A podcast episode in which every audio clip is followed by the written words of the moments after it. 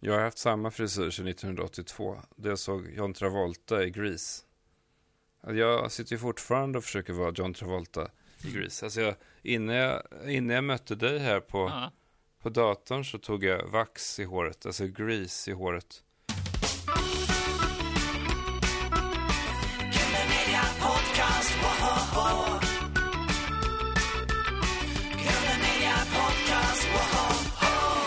Välkommen eh, Sigge Eklund till eh, Grunden Media Podcast med mig Carl Magnus Eriksson. Tack, tack. Hur är det med dig idag?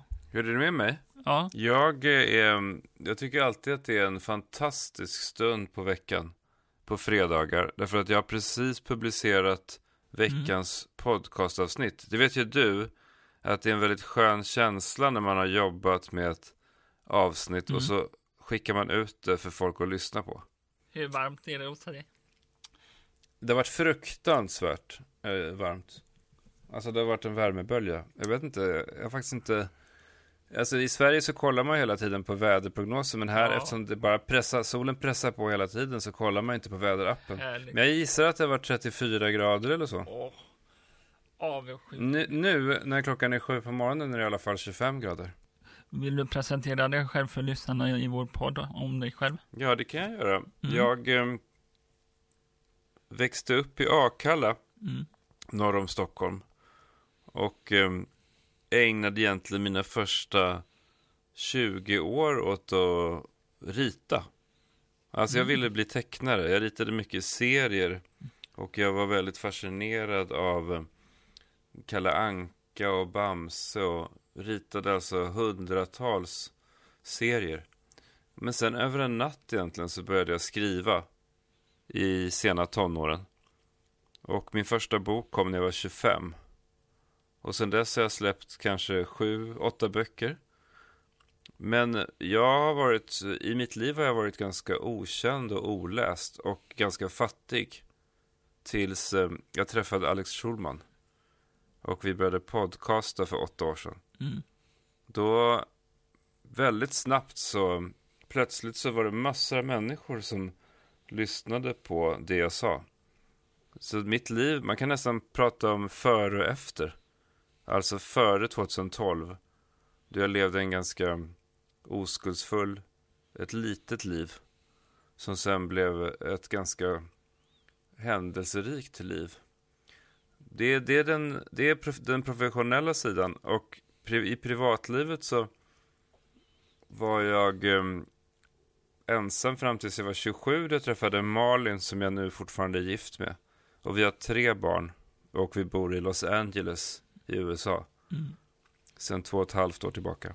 Eh, vad är det bästa med Los Angeles? Alltså jag tycker att det påminner lite om, eh, om Akalla, alltså min, barndoms, min barndomsvärld. Därför att det är så mycket olika typer av människor i Los Angeles. Mm. Alltså det, det är ett myller av massor av olika eh, folkslag och eh, åsikter och eh, människotyper. Och det är väldigt skönt tycker jag. Ibland kunde jag känna när jag bodde i Stockholm att eh, vi tyckte samma sak, vi klädde oss likadant, vi såg ungefär likadana ut. Och jag kände mig lite eh, vilsen i det.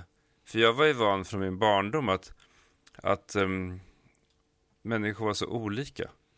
Det, det kan jag verkligen tycka om i USA, att vad man än är, om man är på en middag eller på en restaurang eller, eller går på gatan, så är det en otrolig spännvidd mellan alla olika typer av människor.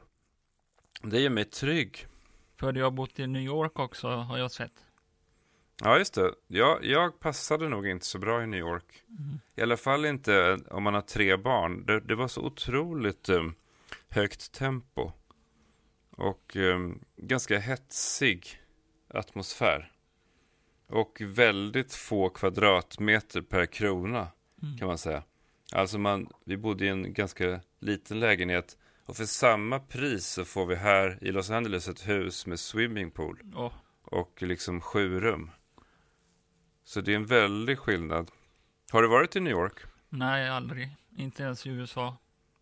Nej, men det, New York är faktiskt världens bästa stad om man besöker den. Mm. Därför att ehm, att vara där några dagar och känna den här otroliga intensiteten, Mm. det, eh, det går inte att slå. Det, Los Angeles är ju svårare att få grepp om på det sättet. Ja. Det finns ingen stadskärna riktigt, utan man, man åker runt i bil och, och allting är väldigt utspritt. I New York så kan man ju bara gå ut på gatan och gå och Härligt. så händer det massa spännande saker. Mm. Men att bo där, jag bo där är mycket, är, är tufft alltså. Mm. Är det samma som i LA, att man kan gå ut där, gå i, jag tyckte du sa till Malou i morse att det var 30 grader varmt. Ja, det, det är det, men tyvärr så kan man inte riktigt gå här. Alltså om, vi, om, om man tittar på vårt hus här, om jag går ut på gatan här, då är det bara en bilväg. Det finns inte ens en trottoar. Mm. Den, den här staden, den är gjord för bilar. Och eh, man måste liksom lära sig att tycka om att åka bil. Men jag älskar ju bil. Alltså jag älskar att lyssna på musik i bilen. Kanske rulla ner rutorna. Och ibland så åker jag bara ut och kör. För att jag tycker det är så spännande att... Eh, har du körkort? Nej. Jag fick ju körkort jättesent i livet. Alltså jag var ju 37 eller någonting. Det var ju, men det var ett, ett mirakel för mig. Det, det är också ett sätt att känna sig lite vuxen. Jag eh, har alltid suttit på passagerarsätet. Jag trodde aldrig att jag skulle få körkort. Men eh, jag var ju tvungen då när vi, när vi åkte till Los Angeles, eller flyttade till Los Angeles första gången. Och eh, det är faktiskt väldigt, väldigt kul att köra. De som klagar på um, bilköerna i Los Angeles, de har inte riktigt omfamnat det. Man måste nog, eh, man måste nog acceptera att om man bor i Los Angeles så kommer väldigt mycket, eh, en stor del av ens liv kommer, kommer man sitta i en bil. Så det är bara att, det är bara att försöka njuta av det. Mm. Jag tror att det, min fördel är att jag är väldigt musikintresserad. Som du vet så är ju, det är något speciellt att lyssna på musik i bil. Ja, ja, jag märker det. När man, ja, när man är i rörelse och har hög volym och nedrullade rutor och eh, kör fram genom stan, då det finns inget annat ställe som musik är så bra på. Vad gillar du att lyssna på för musik när du åker i bilen? Jag måste erkänna att jag har Jag har ju sedan jag föddes nästan bara lyssnat på 60-talsmusik. Det, jag vet att jag har säkert gått miste om mycket bra ny musik. Mm. Men eh, och jag försökte ibland att jag måste lära mig att upptäcka ny musik. Och så sätter jag på någon ny eh, cool skiva. Men efter typ två låtar så sätter jag ändå på Bob Dylan sen. Eller Simon Garfunkel eller Beatles. Jag har ju de här, du ser tatueringarna här, Bob Mm. och Beat. Här är White Album. Ja, det är massa tatueringar med 60-talsmotiv. Sigge, Jag, jag, har, jag har med åldern förstått att jag aldrig kommer släppa det där. Ja, vet du vad? nej. Min kollega här, han är Beatles-nörd. Ja, gud vad kul. Kan du fråga honom vad hans favoritalbum är? White Album. Ja, Uh, vi kanske får göra en Beatles-special nästa gång. Det kräver jag. Men då är risken att jag tar över totalt och det vill jag inte. Jo, jo. Ja, Alltså, vad heter um, Sven Hallberg gjorde ju en podcast Just det. med ett Daniels avsnitt pappa. per... Ja, just det, med ett avsnitt per skiva. Jag vet inte om du hörde den? Vi har inte lyssnat på den men det är så här, vi intervjuade Daniel i våras och då, Jaha, då blev vi, fick vi vetskap om, att, vetskap om att det är hans pappa. Så, där. så att, eh, Ja, nej, jag var med i både Abbey Road-avsnittet och Mm. Sgt. Pepper-avsnittet. yeah, ja men det får vi lyssna in. Absolut. Ja. Nu kommer Kalle tillbaka här. då. Eh, Vad lyssnar du på för musik då? ja, eh, jag lyssnar på lite allt möjligt. Eh, per Gessle, Mando Diao, Bob Hund och eh, vi har intervjuat Per Gessle. Just det, det såg jag. Det var imponerande. Ja, Han är ju otroligt musikalisk. Mm. Ja, jag, ehm, det, det är väldigt kul när man upptäcker ny, eh, någon ny artist som man inte visste fanns. mm, Jag har ju precis upptäckt eh, Frank Ocean. mm. Har du hört honom nå- någonting? Nej, jag får googla på det sen.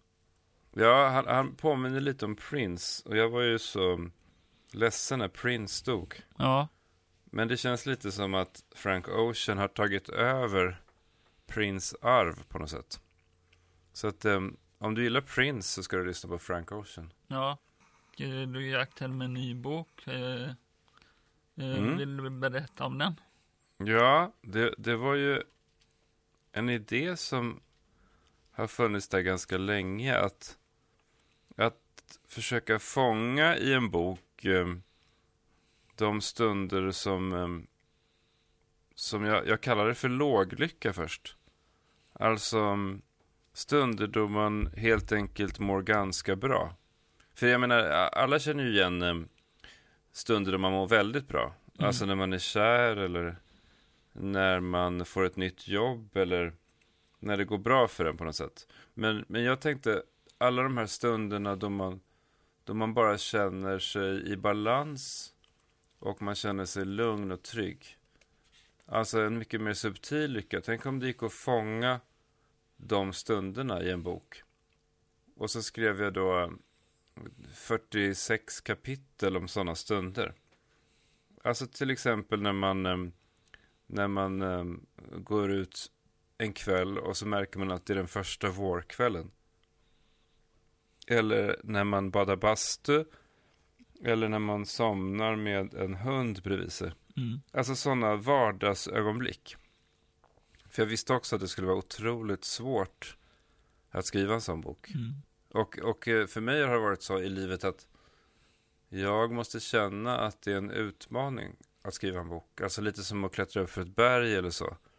Man klättrar upp för ett berg för att man bestämmer sig för att för att utmana sig själv på något sätt. Och sen när man når toppen så tycker man att man har varit lite duktig. Så började det. Och eh, jag tror faktiskt att för mig, jag vet inte om läsarna håller med, men för mig så, jag är väldigt glad att boken finns. Därför att eh, jag kommer nu för alltid att om jag mår dåligt eller om jag har ångest så kommer jag alltid kunna ta ut boken ur bokhyllan och eh, bläddra i den och påminnas om eh, de fina stunderna i livet. Mm.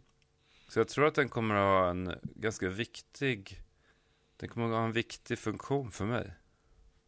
Har du läst den? Nej, jag har inte hunnit läsa den eh, ännu, men jag ska läsa den. Ja, det tycker jag. Ja, Nej, jag skojar. Du behöver, du behöver inte känna någon press.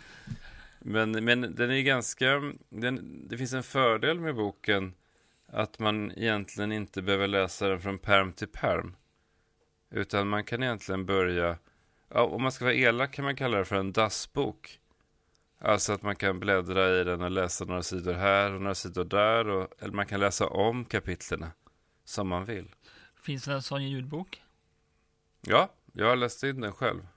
Ja, vad bra. Men det, det ska jag säga, det är otroligt svårt att läsa en ljudbok. Jaha, Därför att ehm, man vill ju att, eh, man vill att, att det ska vara, det ska vara lite skådespeleri. mm. Därför att man ska ju låta, det ska ju vara någon slags sagoberättande.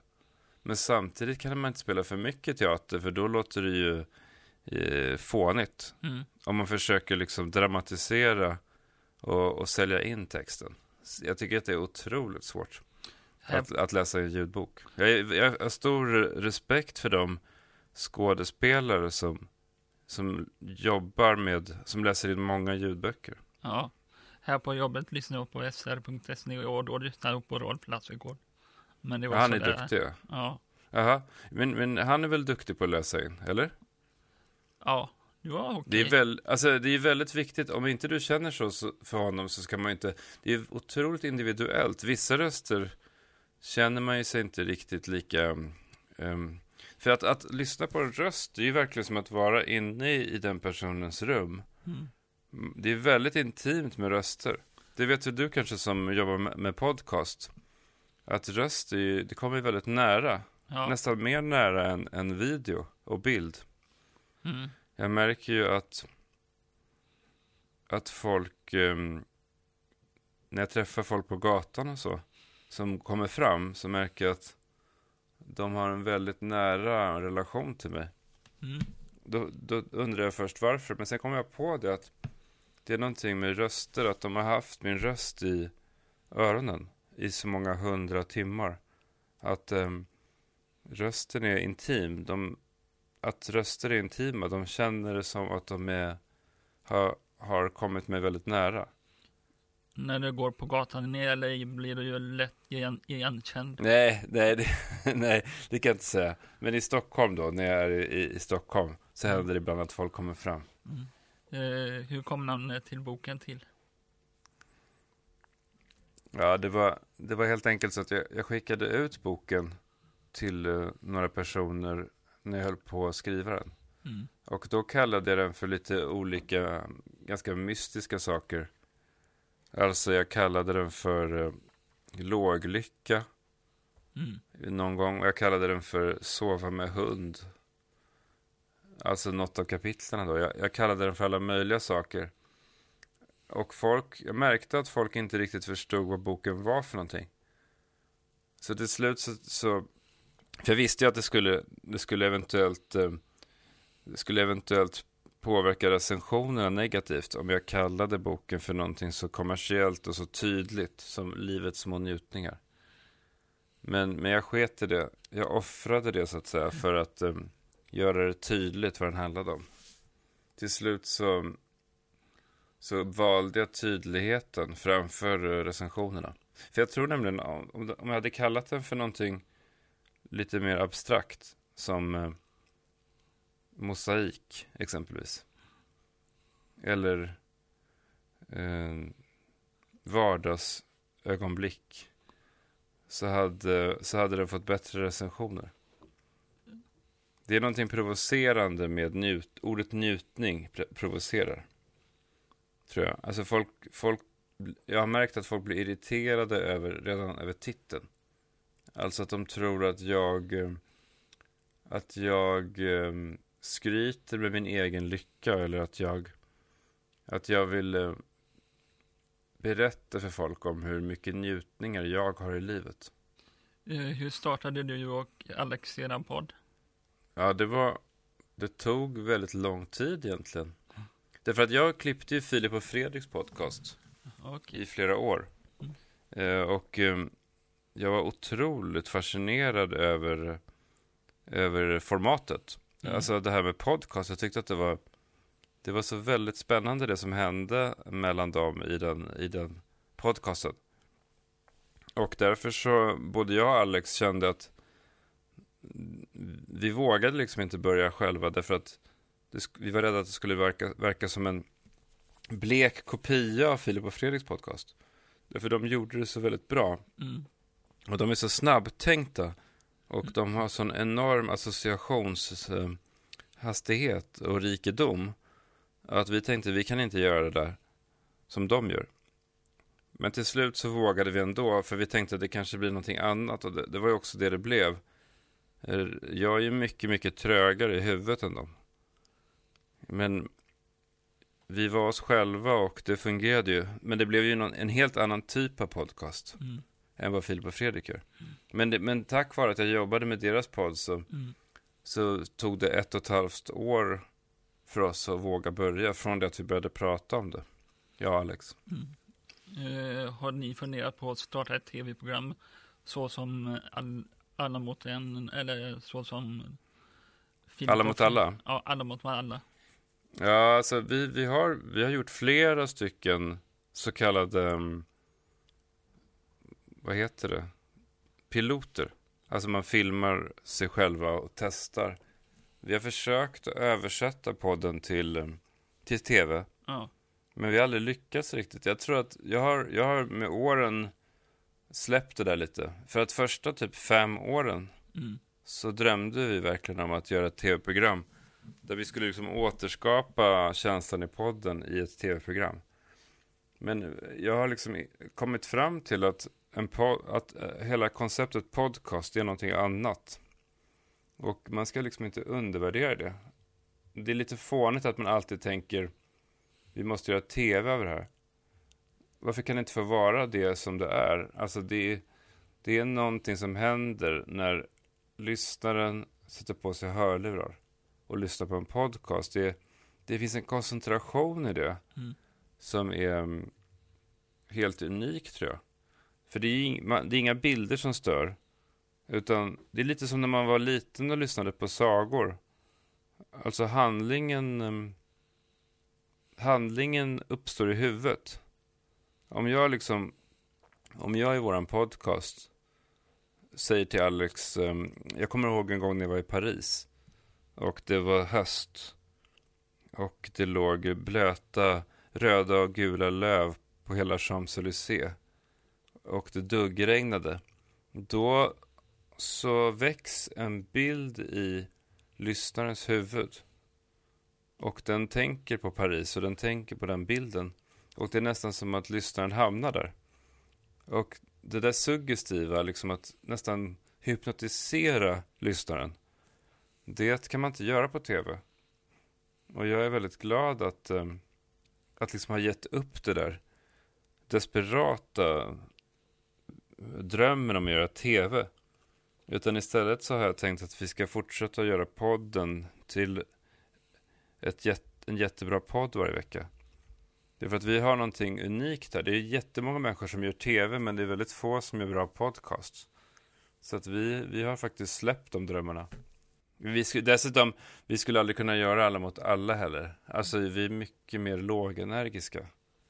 Särskilt jag. Än, än vad Filip och Fredrik är.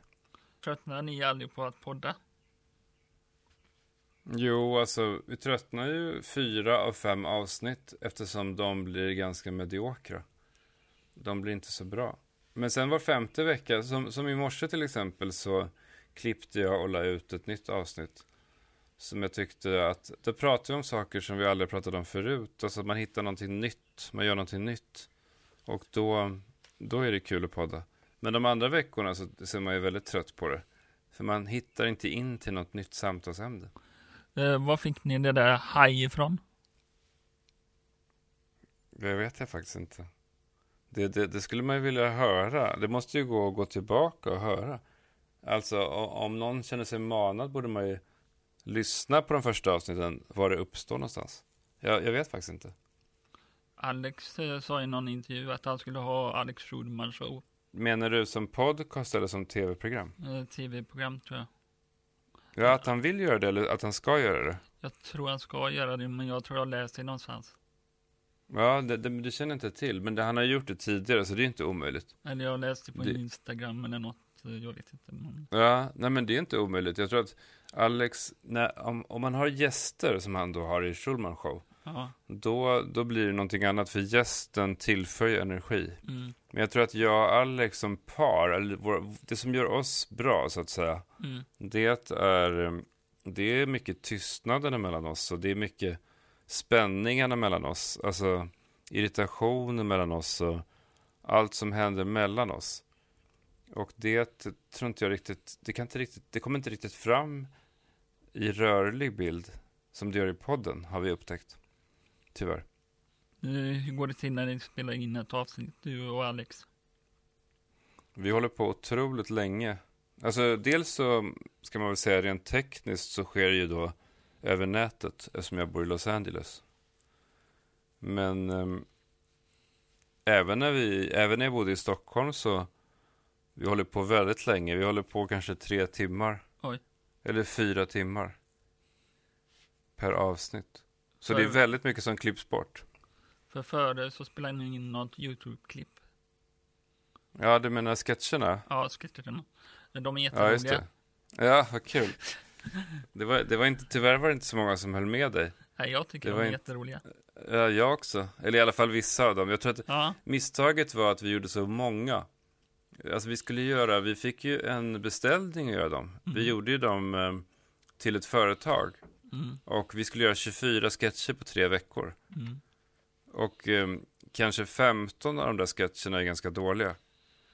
Det var lite synd, för att 10, de 10 sketcherna som är bra, Mm. de försvann lite bland de dåliga. Mm. Men jag har börjat lägga upp dem, jag vet inte om du har sett det, jag har börjat lägga upp dem på Instagram. Ja, De bästa sketcherna. ja, den, Så f- eh, nu har de börjat, nu har folk börjat upptäcka dem igen. ja, jag tycker det är jätteroligt. Dels en, en med tandläkaren och en med det senaste Ja. med Vilken är din favorit då? dels du sitter i rullstol och håller på hacka. Ja, just det. Anställningsintervju. inte- Anställningsintervju. Ja. Ja men vi blev, det, var, det, det är lite, det är en jävligt konstig erfarenhet för att vi gjorde ju de där eh, för fem eller sex år sedan. Ja. Och det, det var ju ingen som riktigt tittade på dem. Mm. Och nu plötsligt så börjar folk upptäcka dem. Mm. Och eh, säger till oss, vad det här är ju jättebra, varför har ni inte gjort fler? Jag vet inte hur man ska tolka det där riktigt. För att vi har ju liksom gått runt nu i fem år och tänkt att vi är dåliga. Vi, vi kan inte göra sketcher. För det var ingen som gillade dem.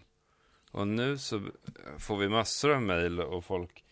Det är också sponsorer som har mejlat och sagt att eh, de skulle vilja att vi gjorde nya sketcher. Vad roligt. Så att vi, ja det är kul att de upptäcks nu. Ja. Det är Eh. kul att du gillar dem. Vad är sponsorer? Hur får man det? För jag har läst om det. Ja, det, det, det, det, utgångspunkten är att man har många lyssnare så att en sponsor tänker att genom våran podcast så kan sponsorn sälja sina produkter. Alltså, det är egentligen matematik. Om, om, om jag som sponsor betalar 10 000 för att den här reklamspotten ska ligga i våran podcast, då hoppas de att sälja varor för mer än 10 000. Mm. För då, och då får de ju vinst. Så att när vi berättar då, ja, vi är sponsrade av det här, den här mobiltelefonen och den går att köpa där och där. Då hoppas ju då sponsorn att av våra lyssnare så ska så många köpa den mobiltelefonen så att de får tillbaka det de betalade för att vara med i podden. Och ehm, det är ju, det är väl det svåraste nästan med att göra podcast. Att göra sponsinslagen, nej men att, vi, att göra reklam helt enkelt på ett sätt som gör att det låter naturligt. För att det är ju, mardrömmen är ju att det ska låta liksom krystat eller onaturligt. För då gör ju vi oss själva till åtlöje och vi gör kunden till åtlöje och vi, lyssnarna tycker att det är tråkigt att lyssna på. Så att vi lägger ner väldigt mycket tid på reklamen.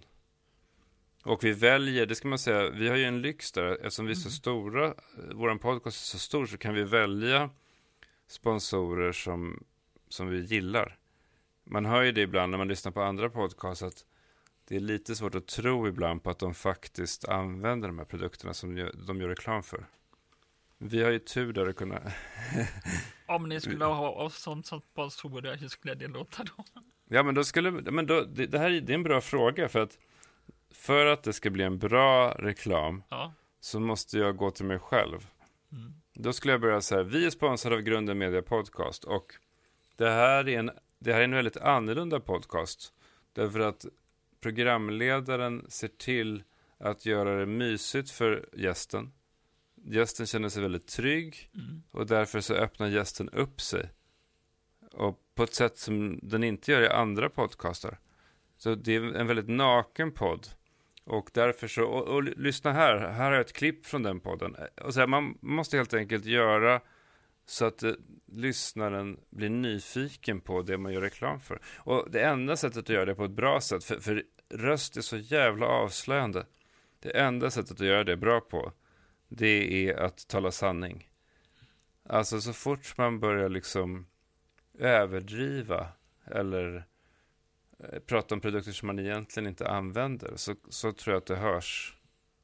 Och det blir, det blir smärtsamt att lyssna på.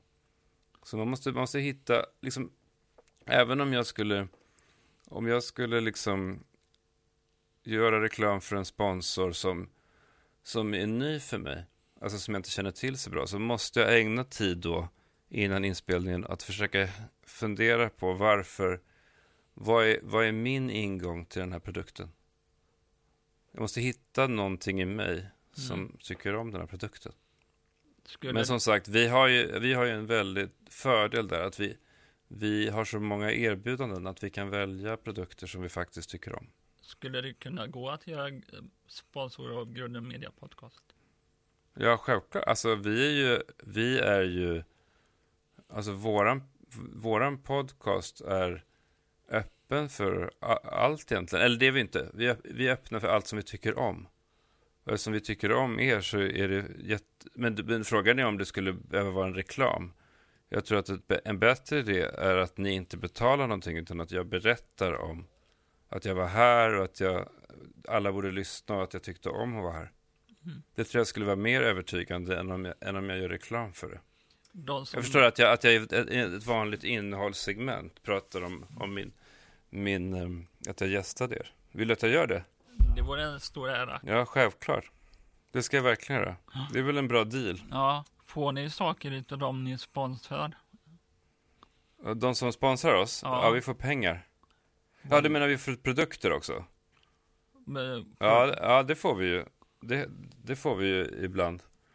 Ehm, verkligen. Och vad lyxigt. Ja, det är lyxigt. Det måste jag säga. Det, det är... ehm, ibland så glömmer jag till och med bort, för vi har ju flera hundratusen lyssnare. Så att ibland glömmer jag bort. Alltså ibland tänker jag så här, gud varför skickar de, varför skickar de tre handdukar till mig? Gud vilken fin present, gud vad lyxigt. Men sen kom jag på, jo men vi, de, de har ju, en, de har ju, de får ju någonting Mm. av oss att vi kommer berätta om de här handdukarna. Mm. Men jag, där, där blir man ju nästan 15 år igen varje gång man får en sån där, en sån där paket hem. Ja, Och man känner att det är jättelyxigt att de ger det till oss. Men det är ju ett utbyte av tjänster. vad är den konstigaste sponsorn ni fått? Ja, men det, det konstigaste uppgiften har fått, det var ju när, för det händer ju ibland att en sponsor säger att vi vill att ni gör någonting i, på, vårt, på vårt kontor eller i vårt företag som ni sen ska berätta. Mm. Och det, det var väl ganska konstigt när, när vi var sponsrade av McDonalds. Och de sa att ni måste, ni måste, ni måste jobba som hamburgerstekare en, en dag på en restaurang. Alltså jag hade ju redan jobbat på McDonalds. Jag med. När jag var, ja, det är många som har gjort i Sverige. Jag har jobbat på Ja, den, så i, jag, den i var du i köket eller i kassan? köket. Ja, visst. hamburgare. Visst var det jobbigt när, när alla gick på, på rast, man var själv i köket. Och så ropar de in liksom tre Big Mac, en utan gurka, fyra McFeast utan lök och en fiskburgare. Och så känner man sig helt panikslagen. Jag kommer inte Det ihåg, var men hemskt. jag stod och dressade hamburgare tror jag. Något. Man blir ju ganska snabb ganska snabbt. Men, men, men jo men då, det var ju, jag kunde det där ganska bra men Ja, det var, det var inte någonting som Alex tyckte var särskilt kul. Nej. Att stå där med, med liksom en fånig mössa på huvudet. Och, och steka hamburgare. nej, det var inte roligt. Nej!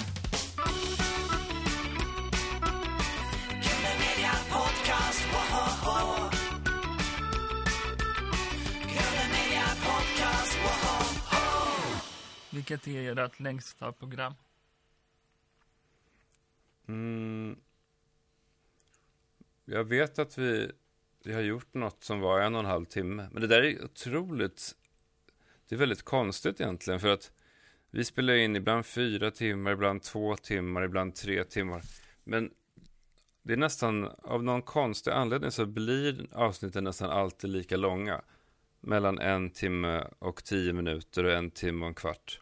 Mm. Det är som att, det är som att vi, vi har bara så mycket bra innehåll i oss.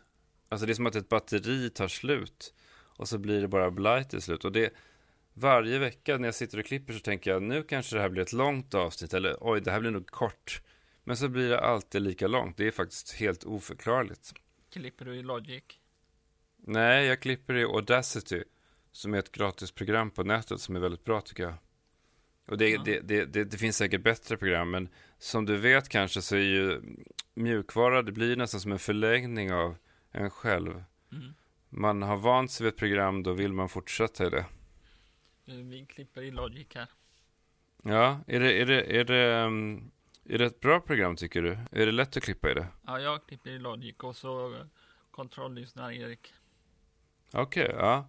Har du, då ser du, du har lärt dig se, du känner igen skratt på kurvan och så. Eh, nej, det Alltså när du, ser, när du ser ljudkurvan så känner du säkert igen när det blir skratt. Eller när någon andas eller nej, när någon... Alltså, efter ett tag, du, jag, jag har klippt så många så jag kan se liksom, ehm, Ja. jag känner igen kurvan. Och ehm, Jag har lärt mig också klippa i andning och sånt där. Okej. För att i början så klipper man kanske mitt i en andning och då hörs ju det för lyssnarna.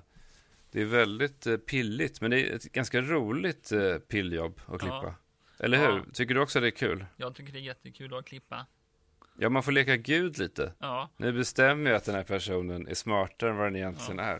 För jag tar bort den här dumma saken som den sa. eh, har någon speciell ritual innan du går in och poddar? Ja, nej, det har jag nog inte. Alltså, vi har ju gjort 437 avsnitt nu. Mm. Så att ritual, det finns inte tid för ritualer längre.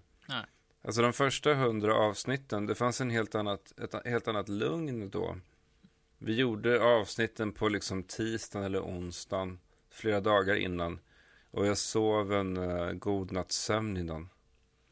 Men nu är det så otroligt svårt att komma på vad man ska prata om.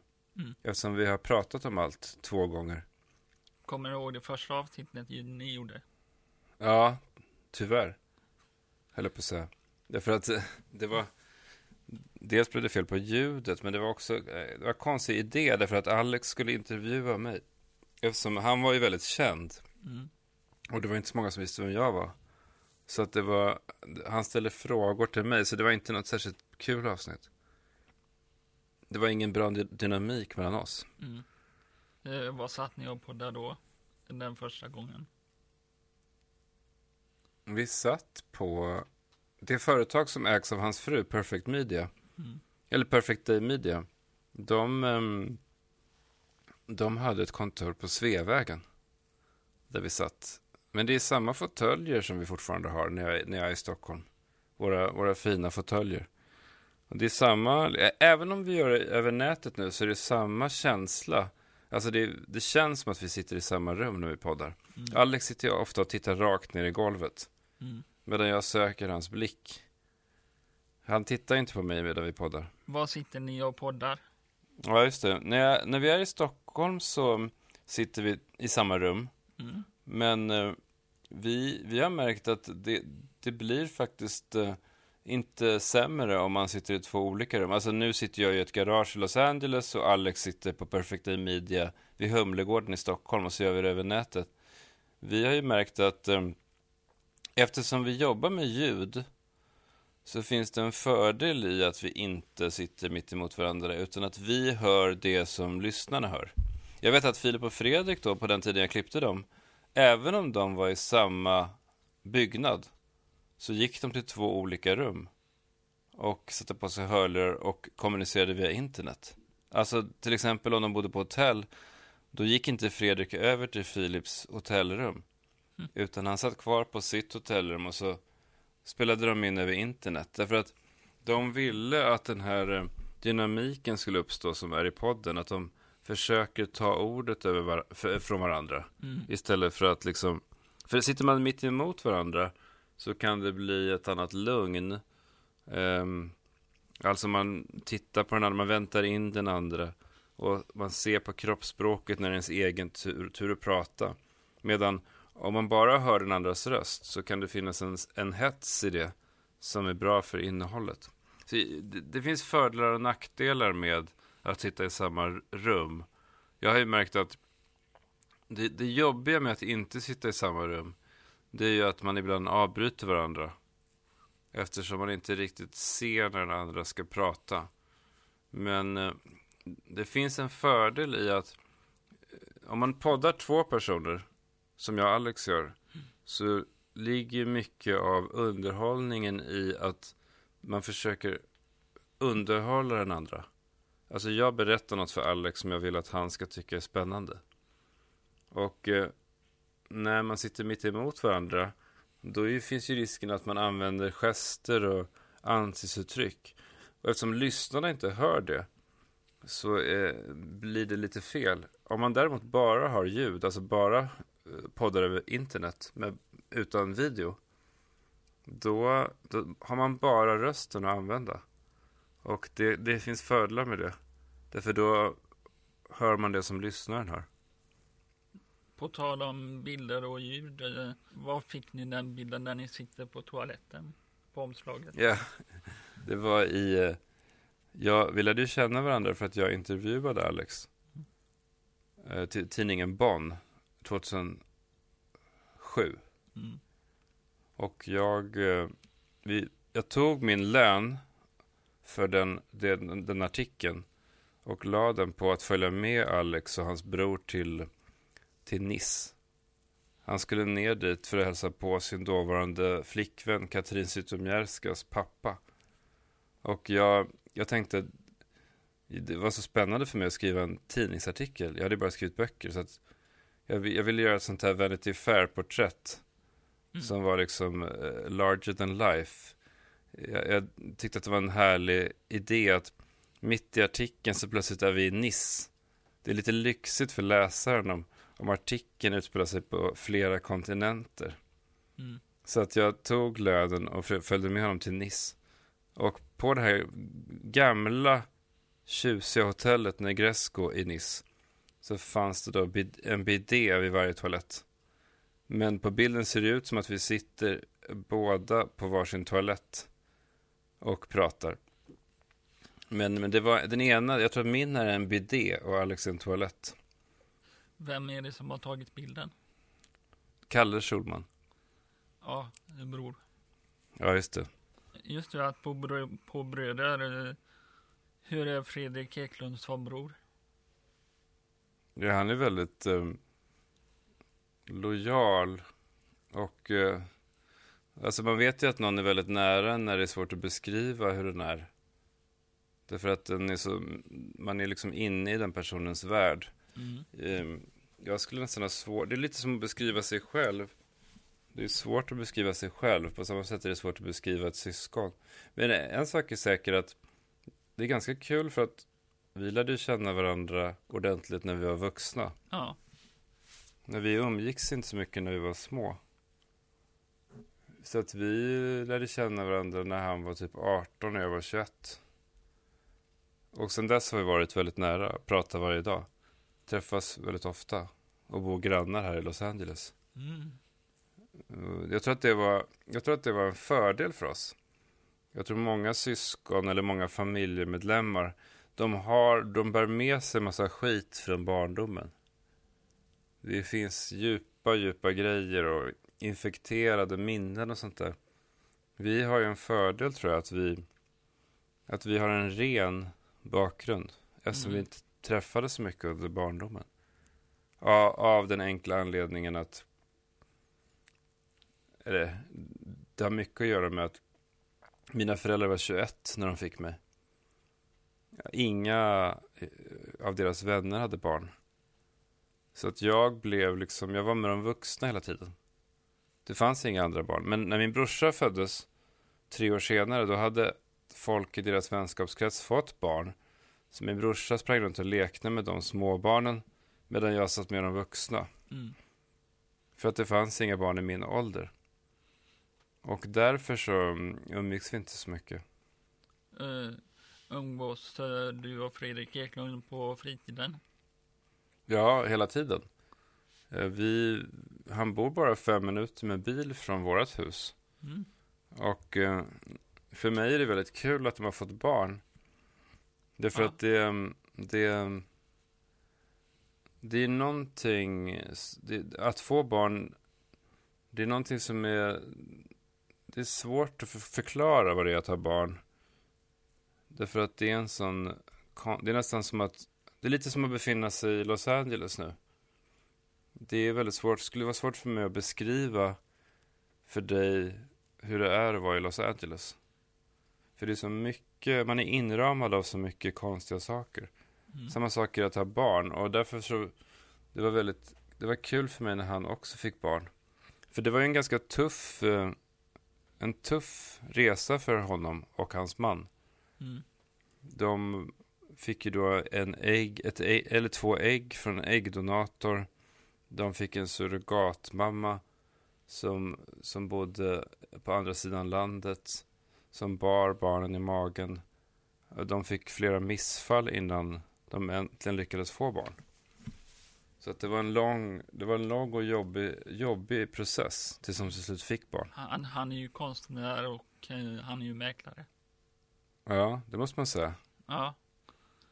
Eh, har någon, någon gång blivit eh, starstruck? Ja, nej men det kanske är under, på vissa, i vissa situationer som, som man kanske inte, som man kanske inte tänker på. Alltså jag menar bara att jag blir inte, jag blir inte så starstruck när, när vi är i hans jätte, jättestora hus i Bel Air till exempel. Därför att för mig är han ju fortfarande eh, en liten pojke från Akalla. Mm. Så att jag, jag, då blir jag inte så starstruck. Däremot så har det blivit, det har varit konstigt för mig att gå på restaurang med honom Mm. i New York, eller gå på gatan i New York. När liksom var tredje bil tutar och vinkar. Är För det att han är sant? så populär. Kommer någon, få, kommer kommer någon fram till han? Ja, alltså han, han är otroligt älskad i New York.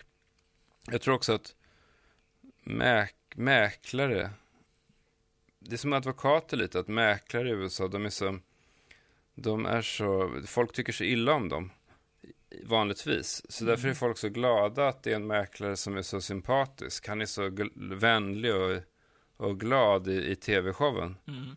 Att jag tror att han, han är väldigt omtyckt därför att han är, han är, han är en annorlunda mäklare. Alltså det, det, det är precis som advokater, att folk har svårt att lita på mäklare eh, annars. Men Jag, honom, de känner att han, de tycker om honom. jag såg på Instagram att du hade varit i Beverly Hills med något hus. Om du Ja, just det. Han bor i Bel Air, ja. Bel Air. Eller i Ja. någon lägenhet. På någon fest och ni hade haft masker på er. Jaha, just det. Var du med där? Ja, det var, det var kanske var dålig timing. För att det var ju precis under, när coronan var som värst. Så, så vi var så trötta på, på att det var så mycket liksom hemskheter och så mycket hemska nyheter. Och det var så många som dog varje dag. Så att vi satte, han hade köpt massa, vad heter det, djurmasker. Ja. Och då var vi då fem personer. Någon satte på sig giraffmask och någon grismask och, Ja. och sådär. Men det var, ju, det var ju väldigt dålig timing. Det märkte man också i kommentarsfältet. Alltså folk tyckte inte att det var så kul. Alltså det, det var ju när det var som absolut värst med kor- coronakrisen. Vilka De var de inte- andra? de i- först- Det var min fru och eh, Fredrik och Fredriks man. Och eh, eh, ett, ett svenskt par som heter Jonas och Pia som vi umgås mycket med här. Eh, vilket är det eh, roligaste intervjuminne? Du menar när jag har intervjuat folk eller när folk har intervjuat mig? Eh, du får välja. Ja. Ja, alltså jag har ju intervjuat ganska få, men det var, jag, jag- jag hade så stora ambitioner i början när jag, alltså för 15 år sedan, när jag skulle intervjua, som jag berättade med Alex Schulman bland annat. Men jag, jag skulle skriva en intervju om, om bekräftelsebehov. Mm. med det jag skulle intervjua kända personer om, om vad de hade för bekräftelsebehov. Och då var min idé, var, den var ju väldigt ambitiös, att, att jag skulle intervjua dem. Jag skulle först få dem att, att bli väldigt lugna genom att de skulle meditera eller att de skulle genomgå olika saker. Alltså jag, det, det säger någonting om hur, hur ny jag var. Alltså jag hade aldrig varit journalist förut. Så att jag, det var första gången jag träffade Filip Hammar. Jag bad honom att lägga sig i en sån här floating tub. Vet du vad det är? Du vet, eh, det är saltvatten så att man ligger och flyter. Och så är det kroppstempererat vatten. Så att personen ska känna som att den flyter eller svävar. Och jag placerade honom i en sån, sån låda. Det finns såna ställen på, i Stockholm. Och så låg han där och flöt liksom, med, med, med badbyxor i mörkret. Mm. Och jag kröp in då i den där lådan bredvid honom. Och gjorde intervjun i, i, medan han flöt. Det var ju, alltså i efterhand så, det, hade- det är ju helt absurt egentligen att man ber någon ligga och flyta i, i vatten medan man, man intervjuar dem. Men eh, det, det säger någonting om min oerfarenhet i stunden. Var det svårt eller gick det bra? Nej men det, jag, jag, det gick ju, jag tror att det gick bra, men i efterhand så har både han och jag skrattat åt det där. Att Mm. det, det är bara, så gör man ju helt enkelt inte att man ber någon klä av sig och lägga sig i saltvatten bara för att man ska Nej. intervjua dem. Nej. Men han var ju väldigt generös som tackade ja. Ja. Eh, har du något nytt projekt på gång förutom din nya podd? Min nya podd, menar du den med Torsten Rickard Flink? Ja, jag tror jag har läst något om det. Ja, det är ju, det är ju, det har ju tagit hela sommaren för mig. Den har Mm. premiär nu i oktober, Okej. om, om några veckor. Ja, jag, Det tyck- är, eh, jag tyckte jag såg någon bild där på telefonen. ja, det är väl, eh, Och så har jag läst Det är-. Ja, alltså när jag, var, när jag slutade gymnasiet så startade jag företag med Rickard Flink. Alltså Torsten Flinks tvillingbror. Mm. Och vi träffades, vi umgicks varje dag i fem år. Alltså dygnet runt nästan. För att det som hände när jag tog studenten var att internet var på väg. Och Rickard Flink sa till mig att, eller han berättade om internet. Jag tror att det här kan bli stort. Mm. Vi, det fanns ju varken mobiltelefoner eller internet eller e-mail. Och så startade vi vårt företag och så gick det så bra och det gick så snabbt och det, det hände så mycket så att vi jobbade och vi fick så många anställda och det var så intensiv vänskap. Han var då 15 år äldre än jag så att han blev min mentor också. Han lärde mig bli vuxen. Och hans tvillingbror Torsten Flink blev samtidigt en väldigt känd regissör. Mm. Och sen så blev vi ovänner. Och de blev ovänner också. Och så har inte någon av oss pratat på 20 år. Har du träffat på, nej, jag har inte träffat någon av dem på 20 år. Så podcasten handlar om att de två ska återförenas. Och att jag ska återförenas med dem. jag, Så att i de här tio avsnitten så, så försöker jag få dem att tycka om varandra. Igen. Emma och jag intervjuade när hon så intervjuade jag Torsten Flink.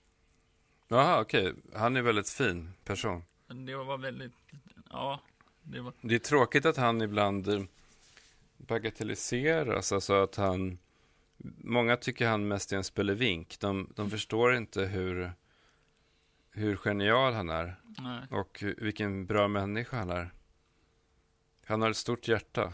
mm, men det, hur som helst, det, den podden, jag tror att uh, den kommer bli väldigt uppmärksammad.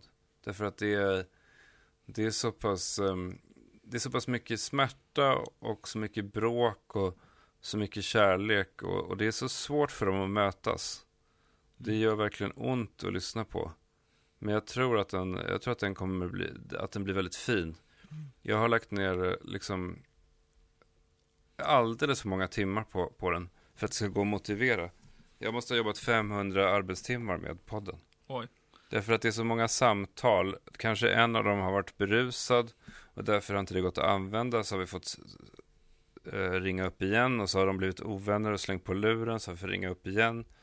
Och så har jag fått prata med dem på telefon för att, åter, för att de ska komma tillbaka till mikrofonerna. Men, men det har ju varit viktigt för mig också eftersom det är väl de grejerna som blir bäst i livet när det är viktigt för en. För mig har det känts som liv och död, hela den här podcasten. Därför att de var så viktiga för mig när jag var ung. Och så försvann de bara från mig. Det har ju varit ett öppet sår i 20 år. Och nu så återförenas de med den här podden. Ja, du förstår ju hur liksom varenda minut som jag hade de två framför mikrofonerna mm, var ju som julafton för mig. Det är liksom som, nästan som ett barn vars föräldrar har varit skilda och så får de ihop föräldrarna igen. Så jag, eh, jag tror att det kommer märkas i podden. Det ska bli spännande att se, alltså det ska bli otroligt konstigt att den ska sändas. Därför att det, det är så jävla intimt för mig. Det känns så privat med, med bröderna Flink. har du några poddtips till oss på grunden? Jag lyssnar inte på jättemånga podcast, men jag lyssnar ju på En varg söker sin podd. Det är Li- Liv Strömqvist, eh, serietecknerskan, och eh, Caroline Ringskog Fredanoli, journalisten, som, eh, alltså de är, mm, de är helt enkelt högintelligenta. Alltså deras blick på det de säger om samtiden är alltid överraskande och kul. Sen lyssnar jag på Brett Easton Ellis. Mm. Det är väl min favoritpodcast alla kategorier. Det är, det är amerikansk författare som, han är mest känd för boken American Psycho. Ja, Känner du, till, känner du till honom? filmen känner jag till. Ja, just det. Han, han skrev boken som filmen är baserad på. Han har en gäst varannan vecka. Ja, Men, men det roligaste med hans podd är hans monolog innan gästen kommer in. Han pratar liksom i 30 minuter själv först. Om, om mycket om film. mm. eh, och sen så kommer gästen in. Och det är Ja. ofta folk som jobbar med film eller tv. Filmen är väldigt eh, vulgär. Ja, eh, boken är ännu värre kan jag säga. Oj. Ja, Eh, vilka generalfel ska man undvika när man poddar? jag tror det största felet som folk gör är att de poddar med sin bästis. För att de tänker att ehm, vi har så kul när vi pratar. Mm. Det här kommer folk att gilla. Ja, det. Men, men, ja, men man gillar ju inte att lyssna på två som har kul. Därför att då känner man sig utanför. Mm. Alltså man undrar varför behöver de mig? De som har så kul. Jag tror att eh, eh, fördelen med mig och Alex var att vi fortfarande liksom försöker förstå varandra. Att vi fortfarande tycker att den andra beter sig märkligt på många sätt. Och, och det, då uppstår en spänning som, som är underhållande att lyssna på. Jag tror att, att, eh, ett tips är, om man, nu ska, om man nu funderar på att man vill starta en podcast, Mm. så ska man nog inte ta sin bästis, utan man ska ta den personen i sin närhet som, som man aldrig riktigt blir klok på. Som man är olik, därför att då kommer det bli mer intressant både för en själv och, och, och för lyssnarna. För, för vem vill lyssna på två personer som tycker samma sak? Ja, Det är ointressant. precis. Eh, om det inte vore poddar, vad skulle det vara då? Ja. Jag var ju länge formgivare. Men ehm, Mäklare? nej, inte mäklare. Alltså jag, sk- jag, skulle nog, jag skulle nog vara otroligt fattig igen. Jag skulle nog skriva. Men ehm, det skulle ju vara ett annat liv. Jag, alltså jag, jag var ju, det var ju ganska jobbigt för mig att i så många år jobba så hårt och skriva så länge och sen sälja kanske 500 böcker. Att jobba i två, tre år med en bok och sälja 1000 ex, det är, det är svårt att förklara hur, hur jobbigt det är, eller hur mycket försvarsmekanismer man måste uppfinna för att kunna försvara det livet. Men jag skulle väl antagligen skriva, antar jag. Vilken är den coolaste frisyren du har haft? Jag har haft samma frisyr sedan 1982, då jag såg John Travolta i Grease. Alltså, Jag sitter ju fortfarande och försöker vara John Travolta i Grease. Alltså jag, innan, jag, innan jag mötte dig här på, Ja, på datorn så tog jag vax i håret, alltså grease i håret. För att se ut som John Travolta i Grease. Ser du? ja. Jag har ju, jag tittade på den filmen här, häromdagen. Och insåg igen hur mycket den har påverkat mig. Har Det var någonting med mm, tjejer och killar. Alltså det var så jävla vackert. Jag, jag grät faktiskt när jag såg filmen i, förrgår. Alltså för att jag blev så rörd. För jag kommer ihåg hur det var att se den här gruppen av tjejer borta vid lekplatsen. Deras rosa och, och liksom färggranna kläder. Alltså jag kommer ihåg eh, känslan mellan tjejer och killar när man var liten. Alltså att komma hem till en tjej och komma in i deras tjejrum och känna lukten av deras doftsuddisar och eh, deras planscher på väggarna. Att komma in i den här mjuka rosa världen. Det var så, jag mindes det så otroligt starkt. Och då kom jag på varför jag har haft den här frisyren i 30 år. Därför att jag... Och till och med den här svarta t-shirten, det är också Grease, eh, John Travolta. Jag tror fan att den har betytt så otroligt mycket för min självsyn. Alltså min kärlek till den filmen. har Alltså det, jag tror att, jag tror att, jag tror att det, det, när man liksom, när man för första gången skapar sig en stil. Det kan vara, för vissa kan det vara när de är 15, men för mig var det väl när jag var 9 och såg Grease. Och ville se ut som John Travolta då. Det lever man kvar med sen resten av livet. Har du sett Grease? Mm, länge sedan, men jag får se den i helgen. Ja, det måste du verkligen. Den är värd att se igen. Musiken är så pass bra Ja. också. Det rekommenderar jag starkt. Men jag har sett att han spelar någon mördare med han, vad heter han? Bruce? Willis. Ja, du menar Pul- Pulp Fiction? Ja, den filmen. Ja, Pulp Fiction. ja den, är, den är otroligt bra också. Jag, jag Ja. älskar John Travolta. Har du träffat han? Nej, det hade jag gärna gjort.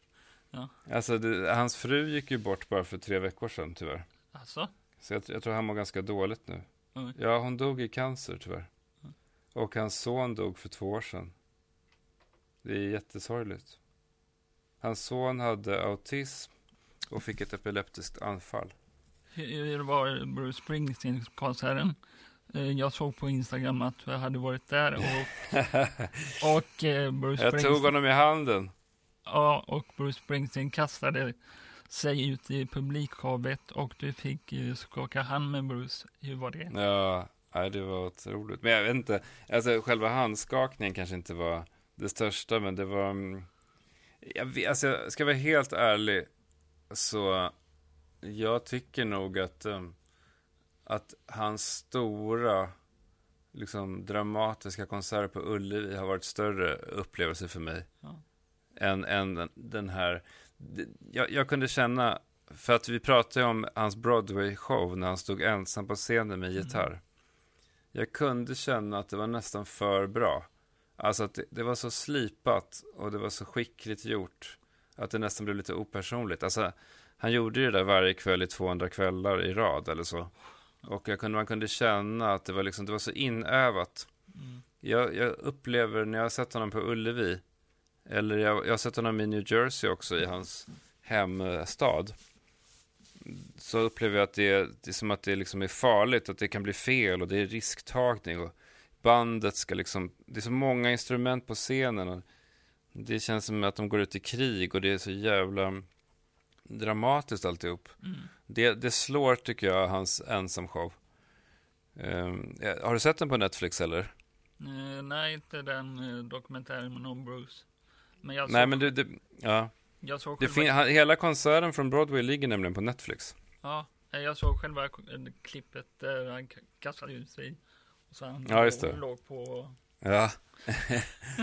ja, det, just det. Jaha, okej, förlåt. Jag trodde att du pratade om. Broadway-showen när jag tog honom i handen. För jag har lagt ut eh, två klipp. Aha. Det ena, det, det, nu förstår jag, det som du syftar på, det var just när jag var i New Jersey. Ja. Och det var ha, ha, han och E Street Band. Jag trodde du pratade om den här, hans ensamshow när han spelade gitarr själv på Broadway. Nej men det är sant. Det, precis, det är de konserterna jag tycker bäst om. När han kastar sig ut i publikhavet och då han, då han har hela bandet bakom sig och så. Mm. Det, det, det är lustigt för att eh, hans mamma stod faktiskt två meter framför mig. Och dansade hela konserten, 85 år gammal. Och du tog fram handen så. Nej, tyvärr så var hon lite för långt bort. Sen vill man inte störa henne också. Eh, till sist, vad händer härnäst? Ja, jag, eh, jag kommer åka till Sverige och sitta i tv med Torsten Flink och lansera den här podden som jag jobbat så hårt med. Men jag är nästan, det känns nästan läskigt att den ska sändas. Därför att det, det är någonting, jag känner nästan att jag har ett ansvar. När de pratar med varandra, så de har ju inte riktigt poddat förut. Det är så otroligt på riktigt. Och jag har ett ansvar känner jag mot de två. Nu när hela Sverige ska lyssna. Det känns väldigt eh, privat alltihop. Jag, jag, jag, jag undrar om de förstår kraften i att alla ska lyssna. Annars kan eh, Sigge och eh, Torsten Flink sitta i Grunden Medias podcaststudio. Ja, verkligen. Ni borde, om inte annat borde ni ha Torsten Flink som gäst. När jag träffar honom då, när jag är i Stockholm, så ska jag berätta för honom att han, att han måste, måste till er och berätta om den här podcasten och om sitt liv. Du får också komma hit. Ja, gärna. Gärna. Jag har ju redan haft corona dessutom. Vi har något som heter Fem snabba till Sigge Eklund. Mm.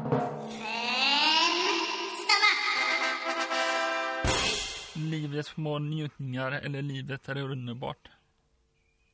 Livets små njutningar, därför att att eh, skapa ett underbart liv är för svårt. Det är bättre att försöka skapa vardagsnjutningar. Eh, Facebook eller Instagram? Ja, det är en väldigt intressant fråga. Fördelen med Instagram är att man kopplar bort hjärnan och bara tittar på de här vackra bilderna. Nackdelen med Instagram är att man kopplar bort hjärnan och bara tittar på de vackra bilderna. Fördelen med Facebook är att man får nyheter, men det är någonting med tonen på Facebook som ofta blir väldigt hård när, man, Mm. när det uppstår diskussioner. Jag, jag säger nog Instagram faktiskt. Författare eller poddare? Poddare. Eh, Bruce Springsteen eller Prince? Bruce Springsteen. Alltså, Prince var ju bäst i världen, men det var så få år, tycker jag. Alltså mellan 82 och 87. Bruce Springsteen har ju en längre karriär. Fler skivor som jag gillar. Hur många skivor har du? Ja, Bruce Springsteen. Ja. Jag har, alltså jag, jag lyssnar ju framförallt på Bruce Springsteen mellan liksom 75 och 95. Men jag har kanske 12 skivor då, i, som vinyl. Och ehm, det är roligt med, med, med ens idoler för att man har, det kanske du känner igen, att man har en period på några veckor, då lyssnar man jättemycket på den. Mm. Och sen lyssnar man inte på ett halvår. Och sen lyssnar man igen några veckor. Jag har till exempel eh, Paul Simon, som Mm. kanske är min största idol vid sidan av Bob Dylan. Mm. Han har gjort en skiva som heter Graceland. Och så eh, liksom en gång var, varannat år eller en gång om året så lyssnar jag på den dygnet runt i en vecka. Tills jag tröttnar på den. Och sen så ligger den en, ett år. Och sen när den kommer fram igen så är det som att den är ny. Och så lyssnar jag sönder den igen och så får den ligga ett år till. New York eller Los Angeles? Los Angeles. Los Angeles känns som ett hem för mig. USA eller Gotland? Ja, det är kanske samma sak för mig. Alltså den känslan som jag har på Gotland. Att vara liksom utanför allting. Att vara bort ifrån allting. Så känner jag i, i USA. Jag tycker USA och Gotland är, det är samma känslomässiga plats för mig. Eh, Beatles eller Whitney Houston? ja, Beatles. Måste jag säga. Men Whitney Houston har gjort fyra väldigt bra låtar som jag ofta lyssnar Ja. på. Eh, direktsändning eller förinspelat? Förinspelat. Jag är alldeles för kontrollerad för att gilla direktsändning. Om du fick ställa en fråga till Alex Schulman, vad skulle det vara i så fall? Jag läste i tidningen att du sa att vi ska sluta podda om ett och ett halvt år. Vad är det för jävla, vad är det för jävla fasoner?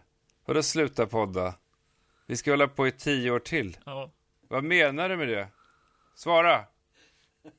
Sigge, du kan få vara med i våra podd då. Ja, istället, precis. Sigge och Karl Magnus. Vi skiter i Sigge och Alex. Om du fick ställa följdfråga till Fredrik Eklund, mäklaren, vad skulle det vara i så fall? Ja, alltså det, det är inte så lätt att svara på för jag pratar med honom så mycket varje dag. Mm. Men det är väl en fint betyg till en brödrarelation att man inte har någon fråga som man inte har ställt redan. Däremot så är det eh, en sak kan man ju säga om honom. Jag, jag kan ju undra ibland om jag var dålig bror. Om jag var en dålig storebror. Eftersom han ju var så ensam då när vi var små. Att jag inte var med honom. Det kan jag tänka på. Jag försökte liksom nå våran pappa. Och han försökte nå mig bakom mig utan att jag såg det. Det är lite sorgligt att tänka på. Så det har jag dåligt samvete för. Det kommer jag nog ha tills så länge jag lever. Tack så jättemycket för intervjun och ha en trevlig helg. Ja, jag ska tacka också. Det var underbart att vara med. Det var jättetrevligt. Det, det, det, det, jag har blivit intervjuad väldigt många gånger så att jag vet vad jag pratar om när jag säger att eh, du är duktig på att eh, få, få mig känna mig trygg. Det är inte alla som kl- klarar det. Ja, men jag tror också att man märker att du är nyfiken. Man märker att du är intresserad. Det, det, du vill ha svar på de här frågorna och det betyder jättemycket för mig. Och ehm, jag ser fram emot när du kommer bakom scenen när vi har föreställning där i januari eller februari. Då, då kan du väl komma bakom scenen och hälsa på mig och Alex? Självklart, det ska jag jättegärna göra. Ja, så vi ses vi en, då. Så tar vi en kaffe. Det gör vi. Hej! Hej! Hej! Hej! Hej! Och ni, ni hänger med! Ja! Yeah.